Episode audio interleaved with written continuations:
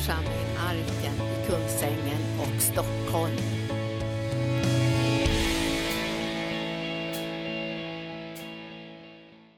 Nu ska vi gå in i ordet. Tack Jesus, tack Jesus. Och jag bara tackar dig för ordet, att du ska föra oss in i ordet nu, att du ska fylla våra hjärtan med, med andens närvaro så vi kan få in ordet i våra hjärtan och förstå vad, vad, vilken uppgift vi har fått ifrån dig och vilken övermåttan underbar kallelse vi har fått. Och vi tackar dig Herre för de här orden som ska tränga in i våra hjärtan och fylla våra hjärtan med glädje i Jesu namn. Och vi ska börja att läsa, vi ska ta tre bibelställen från Efesierbrevet. Jag fick det från Herren den här morgonen när jag visste att jag skulle predika. Ifrån, så börjar vi läsa ifrån kapitel 2 och den 19 versen. Och det är väldigt, väldigt trygghet att veta att vi, inte, att vi är inte främlingar och gäster hos Gud. Utan vi har ett medborgarskap hos Gud. Och det, jag ska läsa det för det här ifrån 19 versen kapitel 2 i Efesierbrevet. Därför är ni inte längre gäster och främlingar, utan medborgare med de heliga och medlemmar i Guds familj. Vilken trygghet i den här världen. Att vi är inte gäster och främlingar som kommer bara på besök någon gång då och då till kyrkan för att möta honom, utan vi är medborgare. Vi, vi är barn i familjen. Vi, vi är vi, ska säga, vi, är, vi, är inte, vi är inte längre gäster och främlingar. Jesus kallar oss ju också för vänner. Alltså han säger, ni är vänner till mig och jag kommer att berätta för er vad jag vill göra igenom er. Och sen säger han, ni är, ni är uppbyggda på apostlarna och profeternas grund, där hörnstenen är Kristus Jesus själv. I honom fogas hela byggnaden samman och växer upp till ett heligt tempel i Herren. Och i honom blir ni också sammanbyggda till en boning åt Gud genom anden. Alltså vilka höga tankar Gud har om oss. Alltså han bygger oss samman för att få en boning i den här världen.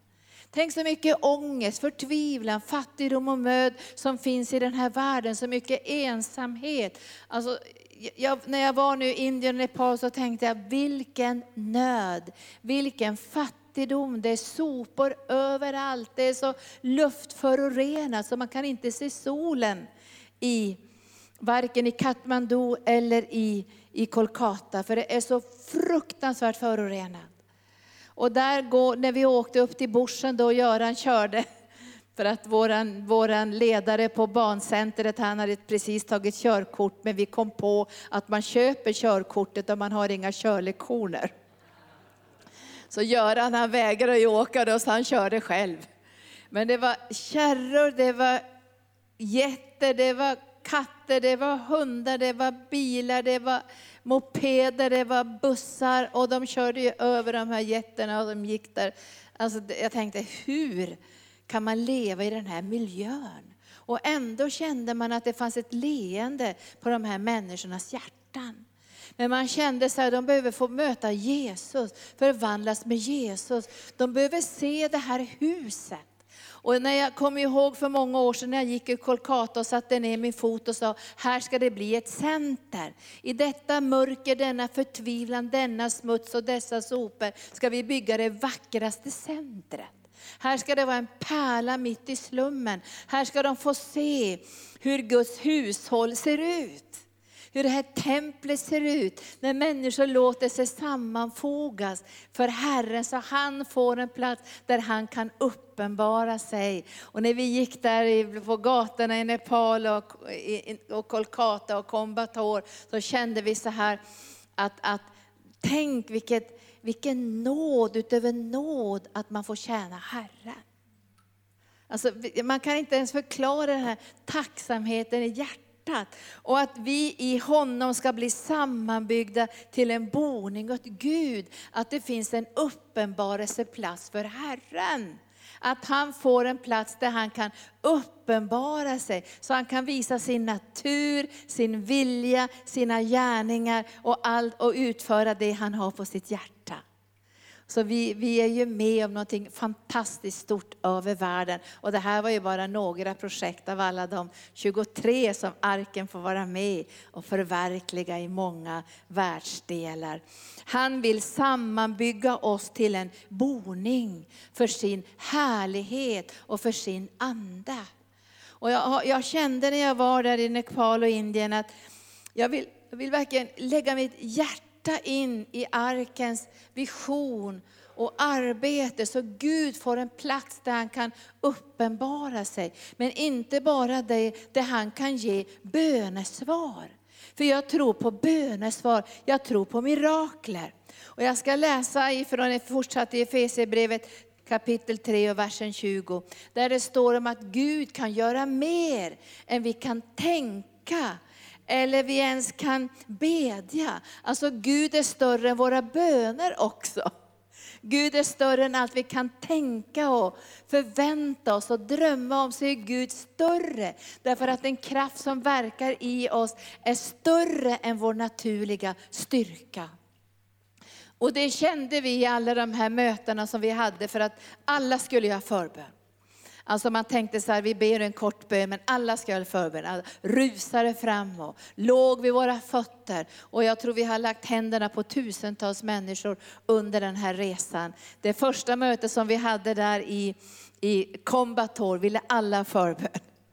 Alla ville ha förbön, alla ville ha betjäning, alla ville ha handpåläggning. Så vi bad för så otroligt många. Och jag tänkte så här, var kommer kraften ifrån? För jag borde inte ha haft kraft att göra det här. Vi borde inte ha haft kraft i det naturliga, för det var 38 grader varmt också. Men det var så, det var så förunderligt att det fanns en närvaro av Gud som var av ett annat slag än den här begränsningen. Och nu ska jag läsa det för er. Han som kan göra långt mycket mer än allt vi ber om eller tänker oss genom den kraft som verkar i oss. Hans är äran i församlingen och i Kristus Jesus genom alla generationer i evigheternas evighet. Amen. Gud kan göra långt mycket. Varför det? Därför att den kraft som verkar i oss är Jesu uppståndelsekraft. Och man märker det väldigt tydligt i de situationer när ens egen kraft inte räcker till. Alltså när man står i de här situationerna där man bara vet att det här, jag räcker inte till för det här. Alltså man, det, det, går inte att be för alla de här hundratals eller tusentals människorna. Det går inte i det naturliga. Och sen märker man hur det kommer en kraft som är av ett annat slag som flödar genom den heliga Ande. Och då lyfter man bara sina händer och säger tack Jesus. Tack för att vi får erfarenhet av den övernaturliga kraften i den heliga Ande. Och det ska vi ha i Sverige också. Det ska inte vara, vara något som vi upplever där på missionsfältet, utan den här kraften ska få vara verksam i våra liv, så att vi kan säga ja till Guds utmaningar och till Guds kallelse. För vi klarar inte av det här i vår egen kraft, men det står här att den övernaturliga kraften, samma kraft som väckte upp Jesus ifrån de döda, är verksam igenom oss.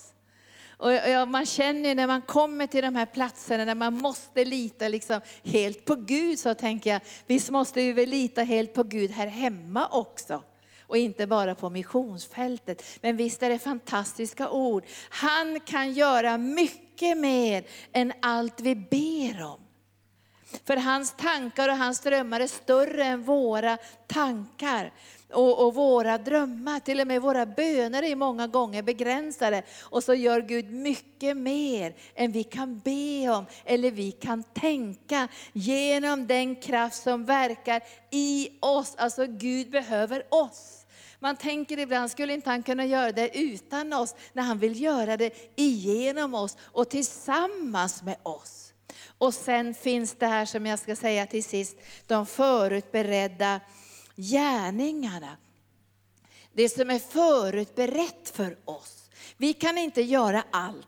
Men vi kan göra det som är förutberett för oss. Det som Gud har lagt till rätta för oss som individer och för oss tillsammans. Och man märker att det man kan göra som individ är väldigt lite, men det vi kan göra tillsammans det är av ett helt annat slag. Därför då fogas kroppen samman och byggnaden samman och får sin styrka av det kollektiva, av att alla ger sitt gensvar. Och då kan vi bryta igenom på område efter område. Och när jag stod där i den lilla Buffalofarmen så har vi ju en familj som sköter om alla de här bufflarna. Som bor där och jag frågade var bor de någonstans? Ja, men de måste vara här dag och natt, sa de, så att inte någon stjäl våra bufflar. Och så tittade jag och så såg jag så fanns, ett, fanns det en liten lager då som inte var särskilt stor så bufflarna kunde komma in på natten. Men på min högra sida var det ett litet skjul. Där bodde de. Och jag tänkte, nej de ska inte bo i det lilla skjulet längre, de hade ett barn också. Så vi, vi funderar nu på att vi ska utvidga den här farmen och sen ska vi bygga lite finare hus för de som ska ta hand om bufflarna. Men, men pojkarna från barnhemmet är ju där och tvättar bufflarna, mjölka bufflarna och ta hand om bufflarna. Och vi tänker också göra ett litet mejeri, för nu måste vi sälja mjölken genom mellanhänder och förlora mycket av inkomsten. Men om vi får ett eget litet mejeri så kan vi förädla mjölken också också. Och när jag var i Jokkmokk så träffade jag en affärsman som skjutsade oss till flyget när flickorna och jag var i Jokkmokk. Och jag träffade honom bara i två timmar, men jag lyckades dela någonting om buffelfarmen. Och när jag stod där i, i leran där bland bufflarna så tänkte jag, nej, nu ska jag tala in ett budskap direkt till hans hjärta. Så jag, jag, jag sa hans namn och så sa jag, nu står jag här bland bufflarna. Och nu måste vi ta steg i tro här och köpa in flera bufflar. Det dröjde bara en halvtimme så fick jag svar på, på, på internet att jag köper en buffel och kalv. Så han var genast på tåget och ville vara med och förverkliga den här visionen. Det finns förutberedda gärningar. Och jag tror att, jag sa till Charlotte också att vi måste gå i det förutberedda. Det skedde ju några små incidenter som Charlotte sa. Det ena var att vi förlorade resväskan, vi missade flyget och sen föll jag av en buss. Ja, jag vet inte hur det kom sig, men jag var nog lite trött och så var det alldeles för högt och jag bara föll rakt utifrån bussen. Och jag slog mig gul och blå såklart, men jag reste mig upp ganska snabbt och kände ingenting var brutet. Men, så att det gick ju bra. Men det var små incidenter, men Gud beskyddade oss hela vägen och vi kunde se Guds hand och hans mirakler. För vi sa så här, nu går vi det som är förberett av Gud. Det måste vara förberett av Gud. Och jag ska läsa det här om de förutberedda gärningarna ifrån kapitel 2. Där, där Herren säger, vi kan läsa ifrån, jag kan läsa från versen 4. Men Gud som är rik på barmhärtighet, han har älskat oss med så stor kärlek att även när vi ännu var döda genom våra överträdelser har han gjort oss levande med Kristus. Av nåd är ni frälsta. Han har uppväckt oss med honom och satt oss med honom i den himmelska världen i Kristus Jesus för att i kommande tider visa sin överväldigande rika nåd genom godhet mot oss i Kristus Jesus. Av nåden är ni frälsta, genom tron, inte av er själva. Guds gåva är det, inte på grund av gärningar för att ingen ska berömma sig. Och nu kommer det här. Hans verk är vi, skapade i Kristus Jesus till goda gärningar som Gud har förutberett för att vi ska vandra i dem. Och det står inte stressa i dem, plågas i dem, eh, fara illa i dem. Det står vi ska vandra i de gärningar som är förutberedda för oss, för vår församling, för våra liv, för vårt uppdrag finns det en förutberedd väg. Och därför kan vi inte titta på alla möjliga ministries och församlingar och se hur de gör. För de har sin förutberedda väg. Om vi går in i andras arbeten och försöker kopiera dem, då funkar inte det här. Och därför behöver vi som församling be att vi ska se de förutberedda gärningarna så vi kan vandra i dem med den rätta drivkraften som är kärlek till Jesus. Det är kärlek till Jesus. Och jag tror att det är förberett för oss. Jag tror att Gud har gått före och banat vägen. Och vi kunde se det här på hela vår resa, att det här måste vara banat och berett. Annars går det inte att predika 15 gånger på 10 dagar och be för alla dessa människor som ska ha handpåläggning och betjäning och ett flöde. Allt. Det går inte. Men jag såg det var förutberett. Jesus hade varit där. Och vi såg det här när vi kom till Nepal, så vi kom ju fram på förmiddagen och sen skulle vi direkt möta flickorna på eftermiddagen. Och när vi kom till flickhemmet så stod vi bland alla de där flickorna, Charlotte och jag och Göran och, och Joel. Och så skulle vi bara börja be för dem. Och då föll bara anden över flickorna. Alltså de bara manifesterade. Ögonen rullade runt och de skrek och de grät och de berördes av Guds ande. Vi var nästan chockade chockade. För det hade inte vi förväntat oss. Att Gud bara skulle pang bara falla över dem. Och då såg vi alla trauma, sexuella övergrepp, all förtvivlan. Många av de här barnen hade förlorat sina föräldrar i den här fruktansvärda jordbävningen. Vi har också tagit in nya flickor. Men hur Gud bara pang sa det. Och så bara låg de under Guds kraft. Så vi bara säger, vad är det du gör Gud? Och så, men det här är jag förberett, de här flickorna behöver möta min ande och nu är ni här. Och vi flödar, vi la händerna på dem och betjänar dem, vi bad för själens helande. Och sen hade vi det här stora kvällsmötet, det var mängder med ungdomar där. Och det var sådana kraftfulla demoniska manifestationer. Så de låg och skakade och ögonen bara rullade så man såg vitorna. Och vi fick ju bara befalla de här demonerna att böja sina knän. Och människor blev lösta från onda andar och frälsta. Och man tänker, Gud hade varit där innan och förberett det där. Alltså det gjorde att vi kunde känna att vi hade en vila.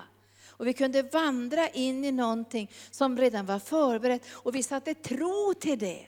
Vad än vi gör när Gud så är det förberett dig. Vi tänker inte vandra in i stress, vi tänker inte vandra in i oro, vi tänker inte vandra in i någon obehaglig andlig kamp. Och jag kände också på det första mötet, och jag hade 5000 i mötet. Det är ganska utmanande att predika på engelska för 5000.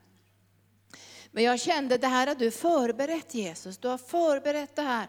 Du har gett mig den här plattformen, du har, du har förberett de här människornas hjärtan. Du ska tala in i deras liv. Och när man kände det här förberedda så blev det en vila och en överlåtelse. Och jag tyckte varenda möte så sa jag, Herre, jag vet inte vad jag ska säga. Jag var ju förberedd innan med bibeltexterna. Men alla möten var så olika. Men hur Gud hade förberett predikningarna och la dem in i min ande. Så jag kunde bara gå ut i anden och ge dem orden och den förkunnelsen och den träningen eller vad det var, ledd av den heliga ande. Och då känner man ju inte att man kan stå och säga, åh vad duktig jag har varit, åh vad duktig jag har varit. Då känner man bara, tack Jesus, tack Jesus, tack Jesus, tack Jesus. Tack att du har varit här och förberett och att vi sitter med dig, tillsammans med dig i den himmelska världen. Och alla krafter och alla demoner har fått böja sig och lagt sig under dina fötter. Han, hans verk är vi, skapade i Kristus Jesus till goda gärningar med en drivkraft som är kärleken till Jesus. Jag tänkte på den där terroristen igår. Han måste ändå ha varit fullständigt psykiskt sjuk, kanske en blandning av felaktig ideologi, men drivkraften måste ju ha varit hat. Vilken fruktansvärd drivkraft att ha hatet som drivkraft. Men vi har kärleken som drivkraft. Det är kärleken som gör att vi gör de saker som vi gör. Det är kärleken som gör att vi ger våra gåvor. Det är kärleken som gör att vi gensvarar till Herren, trots att vi kan känna med min kraft är ringa. Och jag kommer ihåg när jag började min tjänst för 40 år sedan, så hade jag inte så mycket fysisk kraft, för jag hade problemet med hjärtat. Och det tog mycket av min kroppsliga kraft. Och jag tyckte jag var så avundsjuk på amerikanerna, jag tyckte de hade så mycket kraft och de hade så mycket energi och allt där. Så jag klagade en gång till Gud, jag sa, du har sagt Gud att jag ska älska dig med all min kraft. Men jag tycker att min kraft är så liten. Då sa Herren så att du ska älska mig med den kraft du har. Alltså det är det du ska göra, du ska älska mig med all din kraft. Även om det är väldigt lite kraft så ska du älska mig med den lilla kraften. Och så sa Herren, då ska jag älska dig tillbaka med den stora kraften. Jag glömmer aldrig det. Och jag började min vandring att gå in i en övernaturlig smörjelse av den heliga Ande. Och hur Gud älskade med den stora kraften, in i den lilla kraften. För han säger, du ska älska mig med hela ditt hjärta med hela din själ och med all din kraft och med hela ditt förstånd ska du älska mig. Och man märker ibland att det, det, det, det är inte så stort det där, men Gud är stor. Så när han älskar oss tillbaka med sina tankar och sina drömmar, sin förmåga. Och därför kan han också ge oss mer än vi kan tänka eller ens be. Därför hans övernaturliga kraft är verksam. Alltså han förbereder vår väg tillsammans. Alltså då kan vi gå vår givna bana sida vid sida.